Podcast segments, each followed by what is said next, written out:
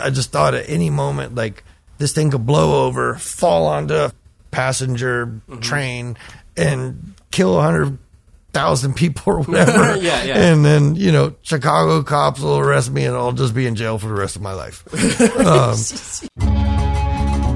On the 40th episode of Passion in Progress, sign painter and metal fabricator Jay Gordon. Jay owns Blackout Signs and Metalworks located in San Marcos, Texas, but services clients all over the country. From custom made neon signs for restaurants, fabricated trophies for Red Bull, to the main entrance sign for music festivals like Lollapalooza, Jay and his team are a unique set of craftsmen that deliver professional handmade signage, a rare art in today's society of mass production and cookie cutter designs. Jay is one of the most real, no BS, unfiltered individuals that I've met. It isn't the norm on this podcast, but if you're offended by explicit language, this is not the podcast episode for you.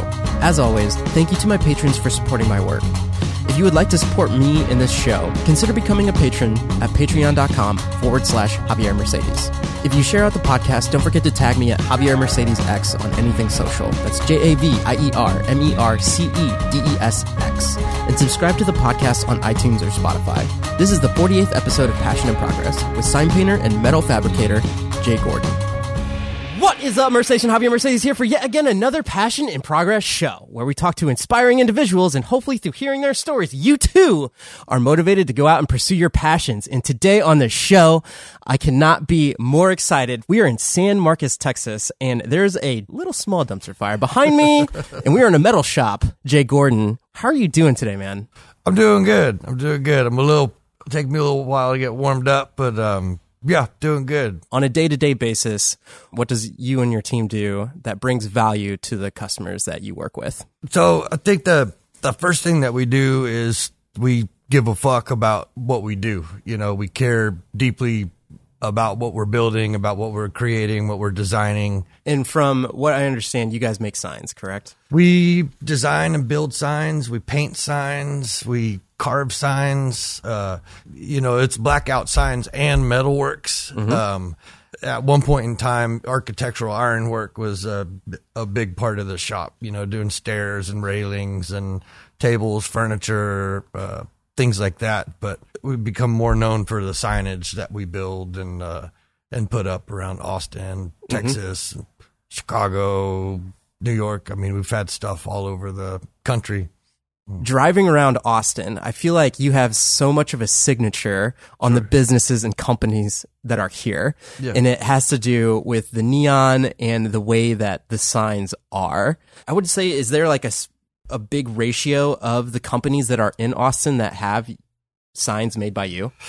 Well, we, you know, we've always survived by word of mouth. You know, we've never advertised. You know, I'm, uh, you know, I can, I'm stoked about what I do, but I'm very humble and I'm not, you know, jumping up and down, going, "Look at me, look at me, look at Yeah, me." yeah. Um, you know, it's almost, you know, even doing this here is kind of intimidating. hence, hence the tequila run, just because um, what we do is art, and with a lot of artists, they sell themselves short. You know, they spend a lot of time creating and whatever, and then uh, they sell their art way too cheap or give it away, or they feel guilty about taking money for their art. And so there was a, a point in in Blackout's history where my wife basically told me like, you know, it's cool that you're doing this and you're making money, but you're pretty much giving your work away, and it's not it's not holding itself up. You know, you only got three legs to the table. Now uh, it's at a spot where it supports four people and their families, and giving a shit about what we create and what we put out there, and you know the faith that that people put in us, uh, giving us money blindly you know just based on a recommendation or something they've seen that we made you know that's a it's a big responsibility to to mm-hmm. come through for the client to come through for your employees and and then fuck have a good time and laugh you know during the day about it you know I, I also want to say to the audience that he's being very humble. If you are to drive around Austin, Texas, about a majority of the signs that you see in front of the companies is probably something that this man has touched. I think that that's a, that's a little bit of stretch. You know, Austin's a big town, but you know, we, we we do claim we have pissed on some areas of Austin, and and we'll claim them.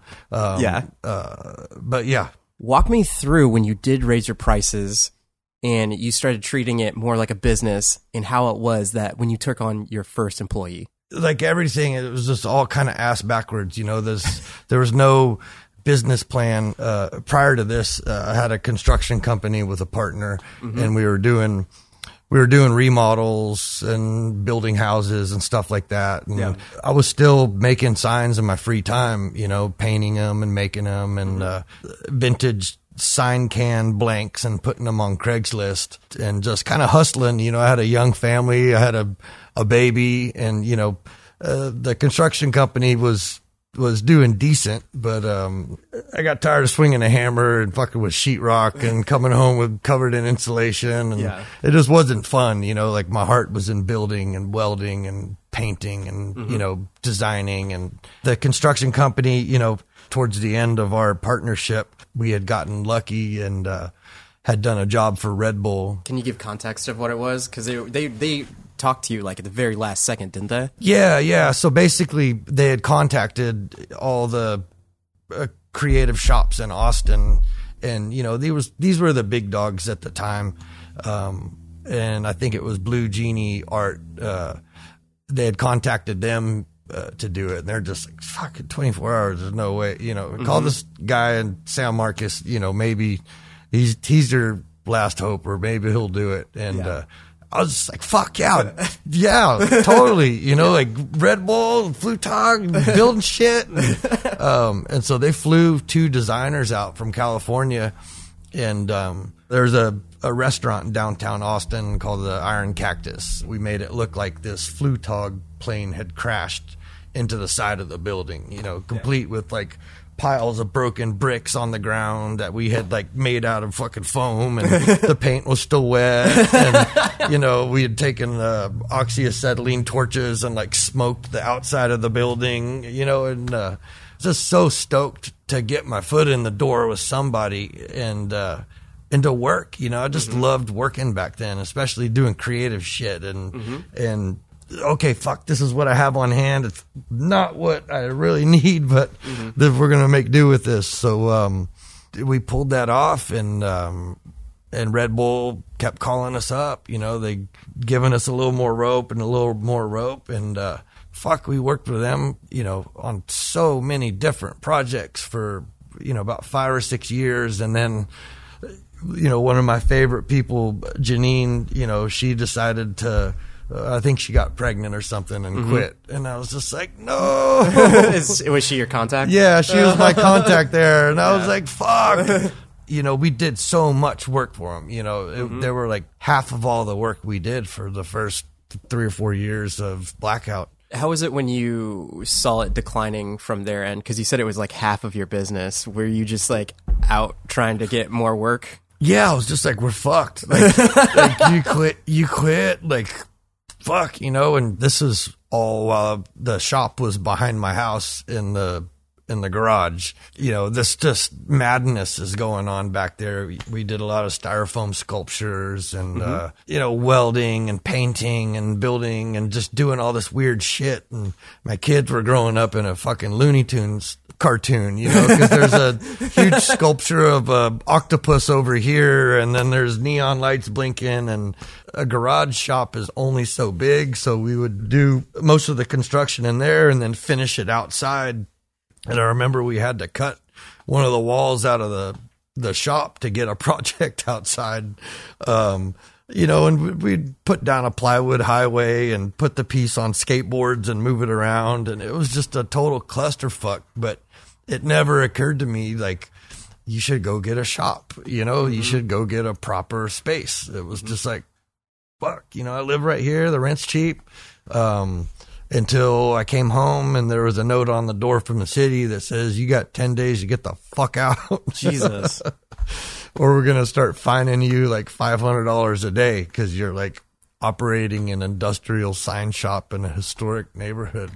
Oh, so, So- they so they were like, "Hey, you have to move this elsewhere." Yeah, So like the you- city forced you we're, out. we're shutting you down. Okay. Like you're down. So you know, and this is in the middle of projects, and Mm-hmm. by that point, you know, I think I had two people working with me. Oh my gosh, I can't imagine being in the middle of projects and then having to Yeah. find find a place Yeah. and then also move your whole shop and Yeah. continue. Yeah, How and was t- that? And t- it was fucking awful.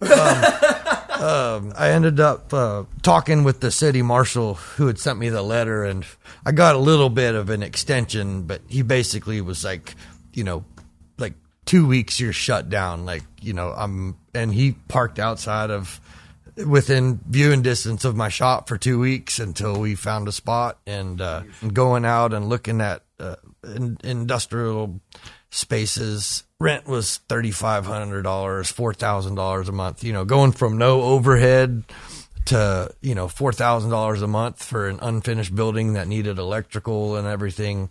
I Oh my just, god! Especially for using your power tools and everything. yeah, Jeez. I mean water and all the other shit, and so you know there was plenty of buildings out there. I just couldn't afford any of them, and so um, a friend of ours, the the guy that owns this building and this trailer park, you know, he was into in the real estate world and knew San Marcos a lot better than I did. Um, and I told him my situation. It's like, dude, we're fucked. You know, we're we need a new shop. We need a new place. We don't have much money, whatever. And he turned me on to a couple places, and then he mentioned like, hey, actually, I have this barn on one of my properties that I'm not using. Um, you know, the rent would be cheap. You're welcome to come out and take a look. And so we drove out here, and uh, my fucking heart just broke. You know, because this this side that we're sitting in here had a a mobile home hauler in it and an old broken down tractor and it was just full of garbage. and the other side over there wasn't much better, you know. Um, and the concrete floors are all cracked and there's fucking rats and snakes and it's like fuck this is it you know this is all i can afford and so How long did it take you to clear out the thing before you could get back moving? Um, well, it took us. We worked on it for about a week because we had to.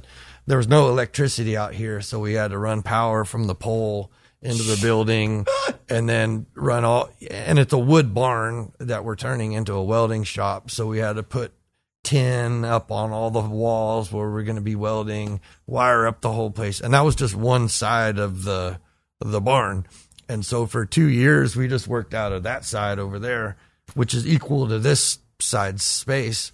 Um, but three people working, you know, the welding table was like the conference table, the work table, the paint table. And again, we're back outside finishing shit up and, you know, leaves are falling and you paint something and you watch a bee just fucking fly and land right in the middle of your fresh paint.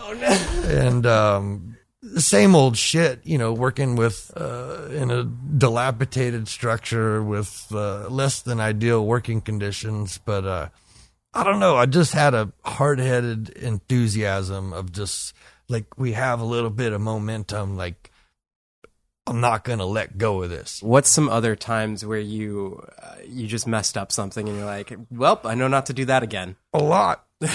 oh, um, and that's how you learn. You know, um, I oversprayed my neighbor's car. You know, I was spray- painting a project, and you know, he came over and knocked on the door, and he's like, "By any chance, were you painting something orange yesterday?" And it's like, "Uh, yeah." And he's like, "Well, um, half of my car's got this orange tint to it," and I was like, "Fuck," you know. And so the, you know, he was cool about it, and I paid for his car to get buffed and detailed, and they were able to buff the paint that I oversprayed onto his car. But I got, I kind of lied my way into the first sign job, and uh, that's where I, you know, learned the, you know, that signs were more than just hand painted stuff, you know, because I've, uh, I've always been in love with cars, hot rods, you know, 50s, 60s cars, you know, the early 30s cars, just anything with a fucking engine is loud and obnoxious, goes fast. I loved it. And uh, in the hot rod world, to me, the people that I looked up to the most were the the sign painters. It's like the the coolest guys had a sign painting background. so I so I wanted to be a sign painter and a pinstriper, you know, mm-hmm. because those are like the top dogs. But I didn't know how to fucking paint signs. So, you know, I'd see stuff they did in magazines and and try to replicate it with the wrong brushes and the wrong paint, the wrong materials and you know, there wasn't like a instruction manual on how to sign paint. There was no Google back then. No, there's no Google back then. You know, uh, Gary Martin, he's a sign painter from Austin who uh, is just amazing. You know, you you say that I've got a, a signature style. He's he has an unmistakable signature style that he's put on Austin since shit the early '80s. Um, but I hunted down Gary Martin uh, in Austin because he was. I would see his signs everywhere, and they just had so much life and like vibrance and pop to it. like they were just they were unmistakable. You know, they had movement sitting still, and uh, I was just I was so infatuated with his idea of sign painting that I just you know went to a shop, knocked on his door, and said like. I'm an aspiring sign painter. You know, can I sweep your floors? And he's like, no. Really? Yeah. That is not where I saw this story going. yeah, no, it, it gets better from there. That was just the first introduction. It was just like, no, you can't sweep my floors and hang out and bother me while I'm trying to do work. And that's kind of the same attitude that I have right Mm-hmm. now. You know, like if some kid was to come knock on my door right and now say, hey, can you record a podcast with me? yeah, you know, can I can I sweep floors and then you just teach me stuff? Uh, you know, I've been I've been burned in the past with that. You know, so that's why our address isn't listed and we don't advertise. It's just because. Um, you know, tire kickers and time wasters. You know, there's only so much time in the day, and we all have families and we've got deadlines and Yeah. you know all that shit. So unless you're like a unicorn of a motherfucker that I see something in, you know, like we're we're we're not uh, apprenticing right now. Uh, so uh, he said no, can't sweep the floors. How Oh, did yeah. you How did you get in? I was gonna show him and paint a really cool fucking sign and go take it back by him and show him that I was like worthy of his time. And so you know, I I just practiced nonstop, nonstop, and you know, painted a sign. I don't even remember what the fuck it said. And took it by, and you know, and he's just like, "Oh, you again?" And I was like, "Oh, I just wanted to, you know, show you what I've been working on." And so I showed him the sign that I'd painted, and he's like, well, that yeah, you painted a sign. And, uh, like, fuck. So I left that and went and practiced some more and more. And I was just like determined for to get some sort of approval from this guy, you know, because he was the living embodiment of all these um, hot rod legend guys. Like he could do the shit that I wanted to do, and I wanted to know how he did it. So I just kept at it and just kept going and going and going until finally he realized I wasn't going to go away. I wasn't going to quit bugging him. And, um, you know, he would, I'd bring something in and he'd kind of critique it. And, uh, you know, I'd ask questions, you know, what kind of paint do you use? Where do you get it? Where do you get your paintbrushes? Where do you get this? And it's like, okay, time for you to go. You know, I gave you two answers to 10 questions, kick rocks. Uh, I just kept at it, and you know, we it finally got to a spot. You know, I remember bringing something in where he's like, "That's actually a decent looking S," you know, and I was like, "Fuck yeah, that's like I got, a, I did a good S," you know. Uh, and so that lit the fire, you know. That was just like I went on a tear. Like anything that wasn't sitting still, I was painting on it to get that approval from Gary. And I remember the the first time he called me to work together on a sign project. I was just like, "Fuck!" Like, you know, you got the master and the student, and when the student becomes a peer, that was like a really special thing in, I guess, my sign career or whatever. It was when he saw like my progression and what I was doing and building and making and entrusted me enough to to build one of his designs. He he painted it, you know, and it was fucking awesome, but uh just to work with him in any capacity, it just stoked me out. Do you remember that sign to this day? Fuck yeah. Is it still up? Yeah, it's That's still up. freaking crazy. Do you Yeah. what what is it? It was uh, for Patsy's Cowgirl Cafe. I was 30 years old at that time. It was just me and my buddy Doug. Uh, rest in peace. Uh, we were still working out of the shop at the house, and we're just working with like rudimentary tools. Like I had a sheet metal brake, a jigsaw, a couple grinders, a drill press, and a welder. Like that's it, and a and a paint gun. and um, sign's still up. still glowing. You know, I'm 41 now, so that was, you know, it's been up 11 years. On that sign, we used automotive paint, so the red is still shiny as it was. You know, That's crazy. as it uh, as it came out of the shop. That was awesome. You know, because I've farmed work out to people before to help out, and it always seems like I get fucked over. You know, the people don't share your same enthusiasm, your same like, yo, this needs to get done by this date. You know, they they they they're not invest as invested as you are, uh, especially you know when your your job is your livelihood, and someone else is just doing this on the side to make a couple extra bucks. Like they don't give a shit if they're late. So my goal was to get enough tools under one roof to where I didn't need to farm anything out to anybody else. Like Talk to me because you said it's still up. Talk to me about the kind of signs that you guys build and why quality matters.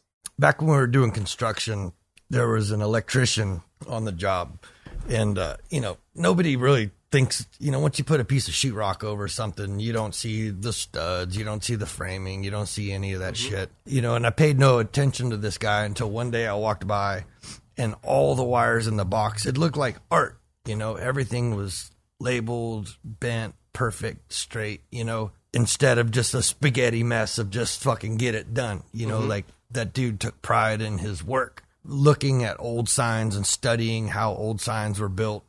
And, you know, there's signs up that are 60, 70, 80 years old that are still alive, erected, lit, whatever, because they were built on solid principle of, uh, you know, it's just basic engineering, but it's just keep it simple, stupid. You know, it doesn't have to be, I don't know, maybe Henry Ford said it or an old race car driver said it, but like if that part's not on the car, you know, unnecessary frills and bullshit, then there's no chance of it falling off and fucking up the car, you know? So, uh, we try to keep that same approach to the signs that we do is to overbuild them, work out the the problems or issues, and work them out on the welding table uh, where it's easy to get to instead of trying to figure it out. You know, taking the easy way out, and then you've got to put a twenty foot ladder up to the sign to fix it.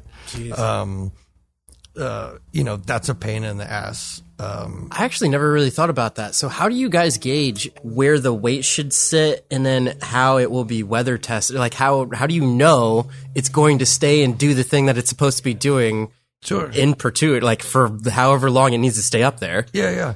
Well, it's just you know, one back to fuck. How do you learn? You learn by fucking up. That's, that is the best teacher that you can ever have is fucking up and having to fix it and learning that lesson. You know, you can read about it all you want, but until you have to suffer, and I've fucked some shit up, and I've had to eat, you know, thousands of dollars that I didn't have um, to meet my obligation, but I learned that fucking lesson. Yeah. um, neon signage in particular, they're just so it's high voltage. It's gases in a vacuum. You know, there's mercury that's dissolved in argon. Uh, you know, in cold weather, that mercury of metal wants to kind of clump together, and so letters will dim out on signs. Really? And so yeah, Yeah, yeah. it's just a weird phenomenon. I got two calls the other day when it was like 30 degrees of like a part of my sign is is dim. I, I think it's broken. It's like no science, science, science, science, science. Mercury, you know, whatever. it, it was more eloquent than that, but Yeah. you know, um, you just learn from doing, and uh, the kind of one of the mantras has always been like make each project better than the last one. Like take the things that we learned from the last project that were kind of a pain in the ass or you know maybe we struggled a little bit with or whatever and uh, let's make the next one better you know all that came from my mom for extra money like she was the og cake boss like she she would bake cakes wedding cakes bachelor cakes you know bachelorette party cakes so i'd wake up you know, and there would be like a cake on the counter with huge tits that I wasn't supposed to see, but she didn't cover it up yet. And she was, you know, she went to church and was pretty straight laced, but you know, if there was a bachelorette party, you know, there'd be a huge like cod piece, you know, cake uh, with legs and all this crazy shit. And, uh, and the wedding cakes she made were amazing and calligraphy, you know, she's an amazing, uh, calligraphy artist. Is that where you got your drawing from? yeah, the art side came from mom, you know, who she was always, and I think that that drive to work hard and work harder uh, came from her too, because she was always hustling. You know, she was a single mom raising two kids, and so um, you know she was always working and always doing cakes on the side or doing uh, wedding invitations with calligraphy, and she's my biggest fan. I love my mom. you know, mom, you can't just like get on every fucking Instagram post and say like that's my boy. You know, like just, just chill out a little bit. Be cool. She put a lot of her talents and stuff aside to raise me and my sister. What's the most complex sign that you've designed? for a multitude of reasons, the sign we built for Lollapalooza. Mm-hmm. So this is the Lollapalooza. It's a four day festival. It's fucking humongous. You know, it's mm-hmm. like, I don't know, 50, 100,000 people Yeah. a day Yeah. festival That, where's it at? Is in it Chicago. Chuck- Yeah, Chicago, Grant, that's what I'm- Grant Park is mm-hmm. Chicago. Again, just being naive and full of piss and vinegar, and like, yeah, of course we can do that. Uh, we were contracted by uh, C3. They do ACL Fest and uh, NFL Draft. I mean, all kinds of stuff. And they found us through work we had done with Red Bull. Long story, whatever. Um, but they they contracted us to build the main entrance sign for Lollapalooza. So you're you're you're you're actually making the sign that says Lollapalooza, like with the logo that people recognize. Lollapalooza Yeah, logo. yeah. This sign is 12 foot tall, 40 feet long. You know, going to Kinko's and giving them a file and going, I need a pattern of this, you know, 12 foot tall and 40 foot long. And they're just like, do what? I'm like, yeah, I'm paying for it. This is what y'all do. I need a pattern. It was so big. We built it in four sections, four or five sections. And the sign was to be mounted on top of like a 20 foot tall truss scaffold structure. And um, so I just said, yeah, to the job and we'll figure it out. And uh, that was when we had to cut one of the walls out of the shop to, get, the, the sign out because, you know, you can't really weld, uh, you can't really weld outside because the wind blows the gases around and whatever, science, science, science that sounds science very again. dangerous. Yeah, yeah. Building it was no problem. You know, it was just, and you know, I engineered it. I basically des- designed how it was going to be mounted to this scaffold structure and the parameters I was given. So we finished the sign up. Plywood highway down the driveway again. Mm-hmm. We put skateboards under each piece and rolled it down the driveway. You know, 12 foot's kind of tall, you know, and 40 foot's kind of long, chopped up into four pieces anyway. We get them out to a trailer, and there's a guy that's driving it to Chicago on our trailer. There were six people hand loading pieces of the sign onto the trailer. It makes it to Chicago. Everything's cool until I see where it's getting mounted. So they have the scaffolding structure built. Behind the scaffolding, it drops down about 30 feet, and there was three or four um, railroad tracks for uh, Chicago commuter rail trains. The crane hooked onto the first piece of the sign and went up in the air about 40, 50 feet and swinging over, and the train's coming by, and I just fucking panicked. I'm Just in case something fell off the. fuck, dude. Self doubt, like, Yeah. just like overwhelmed me. Of Yeah. like, okay, I built this, but like, fuck, they're putting this up, and that's like really fucking high. And like, I welded that fucking bolt on there that they're lifting on, and there's fucking trains with people right there, and like, I freaked the fuck out. And mm-hmm. so we got the sign installed, everything fit, but I'm just like. I like panicked. I'm like, mm-hmm. dude, you're you jumped into water way too fucking deep. Like, this is, you got to check yourself. Like, you fucked up.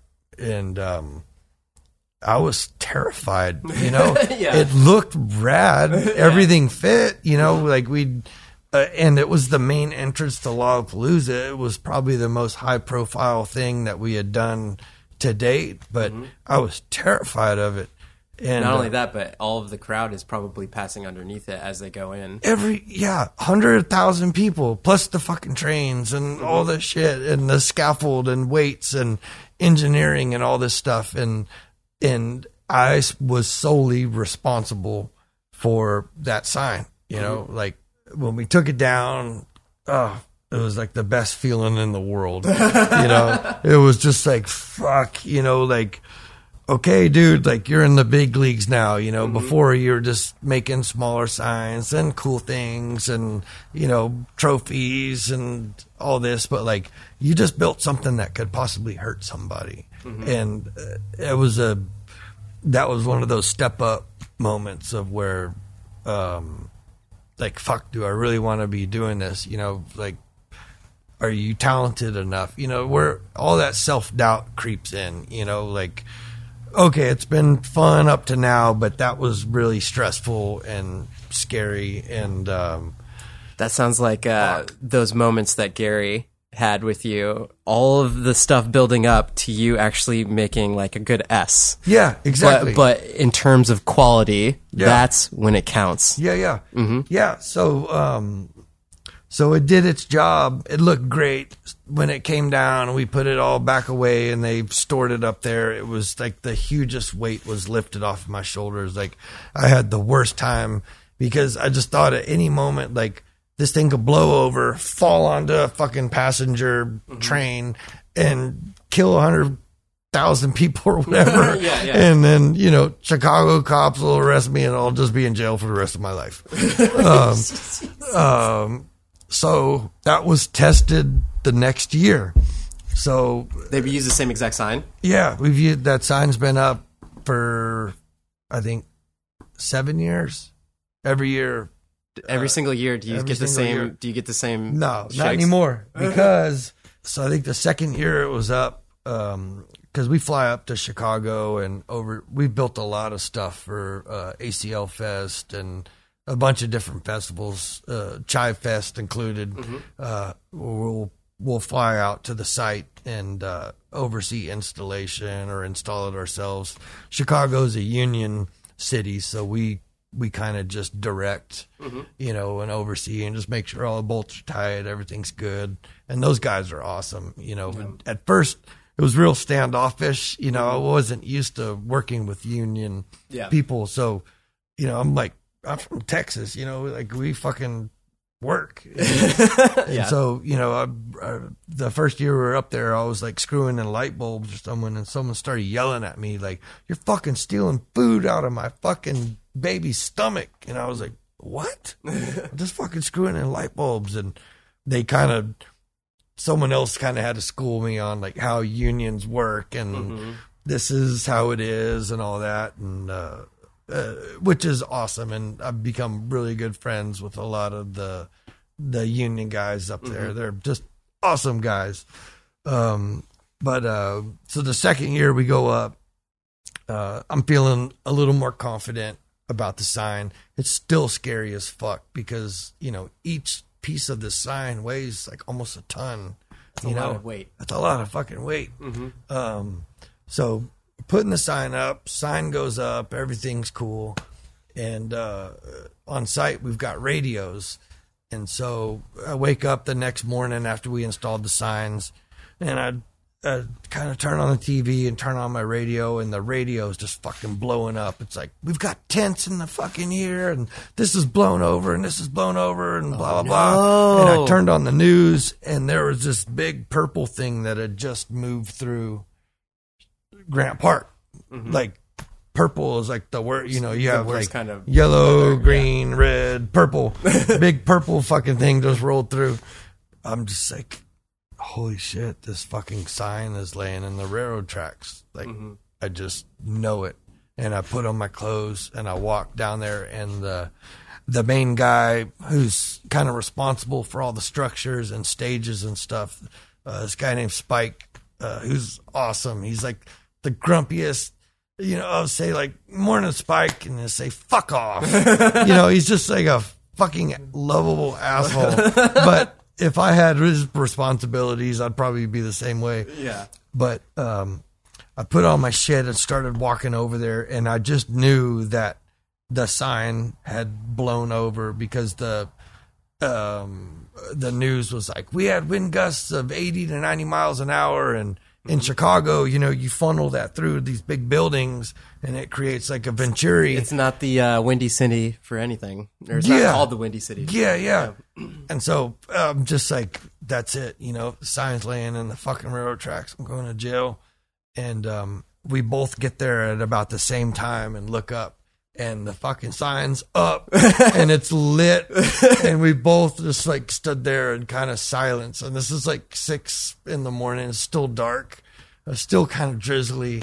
And um, it was just kind of an unspoken thing of like, he was badass on his end of calculating how much weight and ballast and structure he needed for this sign and my engineering uh seat of the pants engineering of just what I learned from building race cars and and signs and whatever uh translated over to sign on this scale fucking worked and um yeah it was like one of the biggest you know I don't know. We might have like this was before fist bumps, but whatever the equivalent of a fist bump was, that wasn't a bro hug happened. Um, so that was like that was affirmation that I could do this and that I could build signs at this scale and this level, and uh, it put more confidence into me and what we could accomplish as a shop. That experience there, and it was scary as fuck. You know, like it was. It that one shook me. yeah.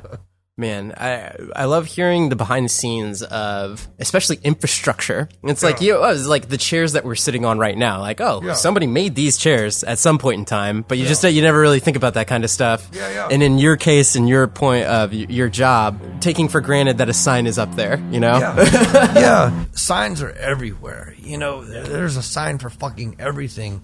People pay more attention to signs when you kind of educate them on like what's cool, like what good design looks like, what good execution looks like. You know, and neon signs, why they are better than a vinyl computer printed piece of fucking shit sign. You know. I can sense some passion there behind that. uh, it's just it's, there's a place for all of it in in the sign world, but you know I've always been attracted to to old stuff because I just felt like there I feel like there's more quality in in things that were manufactured before say like 1970 you know? Uh, then it became a, like a throwaway culture. And the same thing goes with signage you know? There's people that don't give a fuck what their sign looks like as long as it says their name or or bar or bar and grill or whatever. But the people that recognize the the impact and the feeling that you get when you see something cool um uh, you know that's what stokes me out. And it never gets old you know like when we're talking with a client I, I still get excited when we get like uh, a client that's like, you know, let's just do something really cool on this. Because that just like busts open the floodgates of like, fuck, well, we could do this and this and this and this and this. Uh, but the you know budget's always the little pain in the ass that comes in and fucks the whole thing up. You know, it was like, yeah, we could do all that, but we only have like two thousand bucks. It's like, well, fuck yeah. taking us from a boxing ring into a refrigerator box. You know, there's not much elbow room. Can you walk through the process of what a sign from start to finish, what that would entail? What's that, the building of it or the fucking up of it? the thing that I love about what you guys do here, this there's not anything like computer wise. Like you guys mm. are hand doing like with the powder and all that stuff to like showcase like where you need to paint and all that kind of stuff. Can you walk through that process and try and keep in mind that a lot of the people are just listening, so they won't be able to see what you're doing. you do your layout of the of the sign, say a simple sign that says beer, liquor, bar, or something like that. Yep. You know, you you lay that out, and and this is where I fucked up the most when I was wanting to become a sign painter. The most attention you need to put is in the design and layout of your sign. The pre-planning. the pre-planning. And being an impatient fucking 16 17 18 year old you want instant gratification. You want to just take your paintbrush dip it in paint and pop pop pop pop pop pop. That's fucking badass. Yeah. It's not how it works. So you know um you know you've got to have knowledge of fonts you've got to have knowledge of like spacing and kerning and you know there's God, this, all is these this is blowing my mind right now, trying to because it's so simple what you're saying, but I wouldn't. I, I'm just so used to putting it in a computer, Yeah. like typing it. Yeah, and the computer does hand. it. But there's there's so much that goes into it, like technical stuff that you just learn over the years. But you do your layout on paper. We do a, process. You were talking about the chalk. It's called pouncing. Pouncing? So- Okay, cool. Pouncing. So uh, we have a machine here that it's basically a pen, and we have a steel wall. So we put our our design that we've drawn on paper on that steel wall, and you use this old antiquated machine that sparks. You trace the lines, and it sparks through the paper and burns little tiny holes in it. And so you trace out the design that you designed with this sparking thing. And if you held it in one place too long, it'll catch the whole fucking paper on fire. Sounds like you've done that before. yeah, it's happened where you're like, fuck, fuck, fuck, fuck. um, but, uh, but yeah, you trace it out and it, and it burns these little tiny holes through the paper. And then you take that pattern and you lay it down on your piece of metal and you take a, a, a sock filled with chalk or charcoal and you kind of we call it like a ball sack, you know, because it's like you got powder in the bottom of the sock and you're whacking it around and it's like an old man's ball sack. Does it kind of look like uh, what pitchers have on the mound when they're like uh, when they have chalk for a baseball? Yeah, but it's more ball sacky, you know. it's an old man's ball sack. Um, so you you whack the pattern with that, you know, around the holes you made, and the the chalk goes through the holes, and that transfers your pattern onto the piece of material that you're going to paint. And then, um, yeah, you kind of blow off the excess chalk, and um, and that's your guide on where the where the paintbrush goes. So as you blow off the excess chalk, there is an outline on Yeah, the bunch whatever. of little tiny dots, you know, and so that's your that's your pattern. So you lay down, you do you do your letters with that, and then if you want to add a drop shadow to it or outline the letters or whatever, that's all kind of freehand shit. But that's it. how you that's how you get the main bones of a hand painted sign onto a piece of wood or metal or whatever. I love the concept of just you saying drop shadow because in my mind, as a video editor, there's this little tab over to the side, and all it says is drop shadow, and I click that, and then there's my drop shadow. But you're talking about what about for the word like liquor? How long would it take to drop shadow that? Know, like five minutes. Five minutes. Okay. Yeah. But you're doing it by hand, and Yeah. not only that, but I'm assuming you taking five minutes to do that was probably years of practice. Yeah. yeah. It's really when you're when you're starting out as a sign painter, um, or a sign painter, especially, you know, it's like uh, all your there's so many different brushes and they're like tools. It's like the difference between standard, metrics, Phillips, flathead, hammer, screwdriver, whatever. They each brush has its own um its own purpose. And so um, you know, knowledge you know that's you can see over there there's like a a, a quiver for lack of a better word. God I fucking can't wait for game of thrones to come back out. But there's a quiver of brushes over there. Each one has a specific job you know you've got a um, you've got your quills for laying in stuff you've got outliners you've got a pinstriping brush you've got you know uh, little swirly brushes. You know, each one does one thing really fucking good. Um, there's brushes specifically Fitches.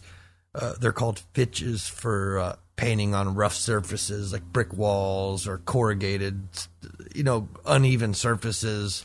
Um, it just interests me. One, like you saying the drop shadow, then two is just the concept of painting on different surfaces because I Yeah. wouldn't even have thought of that. Oh Yeah, my and- gosh, it's so, and- I, lo- I love this. yeah, and fuck painting on corrugated anything. You know, it's like the, uh, you know, uh, brush painting is hard enough, but when you're like painting in and out and in and out on a surface, it's just uh, corrugated metal is the worst to paint on. But it looks really good when it's done. Um, and we've done quite a bit of it, but uh, yeah, that's my least favorite. It's corrugated. I'll take a, a a brick wall that soaks up paint like a sponge, where you have to do it three or four times over corrugated metal any day. Some of your signs too have neon or light bulbs. Where does that come into the equation? It just, uh, you know, sometimes it's budget, sometimes it's client preference, sometimes they look to us of like, you know, what would look best uh, for this project, and um, you know, my favorite thing is is collaborating with clients and to where they feel invested and they've got a stake in their how their sign turned out. It just depends on the project. It depends on the design. You know, there's some designs that don't lend themselves to bulbs in particular. And sometimes there's some projects that neon isn't the best thing for. We all try in the shop to consciously build signage that fits it, its environment. You know, to one fit the building business, get the message across, but also, you know, the building next to it and on either side and the street and uh, you know, are people going 20 miles an hour down the street or are they going 55 miles an hour? You know, those are all things that come into play and uh, Had a meeting today where that came up of, you know, uh, people always want like the biggest, the tallest, the whatever, but but a lot of the times that's not the most effective, and so we, I really like bringing things down to a pedestrian level when we can, and you know while everybody else is being the biggest and tallest, you know you're a shining star here at a pedestrian level, and that gives you more attention. Even it's a personal preference thing. It's one of those things that you kind of get a feel for over the years of doing it.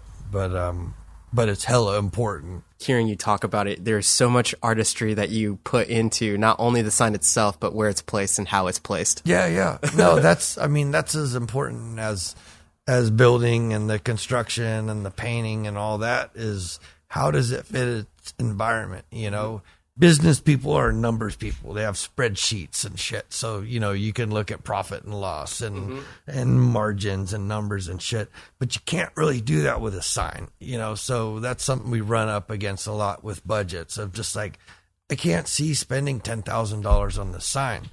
And so sometimes I'll push back and say, like, just trust me and let's do this. And in three months or six months, look at your numbers and see if they've changed. And uh, nobody's ever yelled at me back, like, you motherfucker, you hoodwinked me, you know, like Yeah. nothing's changed, you know. Um, but uh, the impact of good signage, of good communication, of, of, uh, something that's different than just crank out shit computer junk. It speaks to people. And I have a love hate relationship with advertising. Like, I fucking hate billboards. I hate cluttered signage, but I love seeing a really good sign, a really good executed design. In terms of like if a sign costs ten thousand dollars, the one that you were just talking about with Gary, was, I think you said it was like up for eleven years already or something like hmm. that. It's like that's only a thousand dollars a year, Yeah, or less than, less than that. Like in terms Yeah. of like having a staple of like, oh hey, like something that people can recognize as they pass by. Sure, sure. As we begin to wrap this up, there's two questions I always ask everybody at the end. Yeah. First one is, why do you do what you do? I love building things. I love uh, I love making relationship with a client. Um, you know, uh, again back to you know like employee whatever relationships. Like if we're gonna work together, like I have to fucking like you. Mm-hmm. You know, I've had some amazing fabricators in the shop that I couldn't fucking stand. Mm-hmm. Like I fucking hate you. I love how you're so there's no BS. Like you are who you are, and Yeah. there's like that's just it. No, and it, like I don't care how good you are, um, but you're bumming me out because I have to come and work with you. Um, so one of us is gonna leave, and it ain't me. and so um, I feel like I'm easy to work with. You know, I I love the guys that I work with. Um, right now, you know, I've had. Uh, I've worked with some amazing people over the years, and I've worked with some amazing shitheads over the years. Um, but uh, you know, we spend eight hours a day together, you know, and there's no there's no need to have a fucking poison apple in the bunch that's uh, bitching and moaning and this is always wrong and whatever and um, you know, I love these guys. They're they're part of my family. We're a business that's not a fucking business. You know, there's no HR manual. There's no there's no like nothing's off limits except for walking up and punching someone in the face. Well, fuck. If that's what you want to do, then take it out back. But- we literally started this podcast with a fire going on behind me. yeah, but uh, but it's just it's grown ass men. Um, you know, we all have responsibilities. We all have our other shit outside of the shop. But fuck, why go and spend eight hours a day doing something that you fucking hate around people you don't like? We got good people here. Uh, we don't do all the businessy type of business shit that real businesses do. Although, you know, we've had to raise prices to stay afloat. And as long as we come through and and take care of our obligations to our clients and to ourselves, we're good. I love it because I think you're the first person, and this will be like my, I think this will be like my 40th podcast or something like that. But you're the first person to say that why you do what you do is for the people around you. Yeah, yeah, it is, and it. You know, I've got a family. I've, I've got a 17 year old son who's he's amazing. You know, uh, straight A's, 4.0, rocked the SAT, got accepted at Texas State, UT.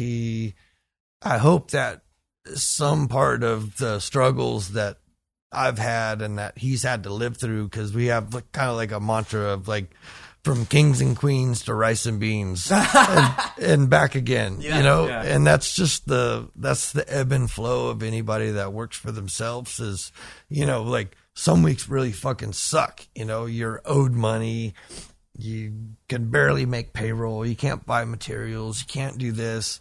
And then you get a fucking paycheck, and like you know, we're eating steak tonight and buying a good bottle of whiskey or something like that. Mm-hmm. And my daughter, she's 14. You know, she's awesome in her own way. You know, she's athletic, and I think when you're uh, when you're a kid, you rebel against your parents, whatever their trip is. So mm-hmm. when your parents are weird, funky ass artists that mm-hmm. have neon and blinking lights and paint and covered in dirt and grime at the end of the day, like I think you rebel into being awesome. I don't know. Like, what's the opposite of that?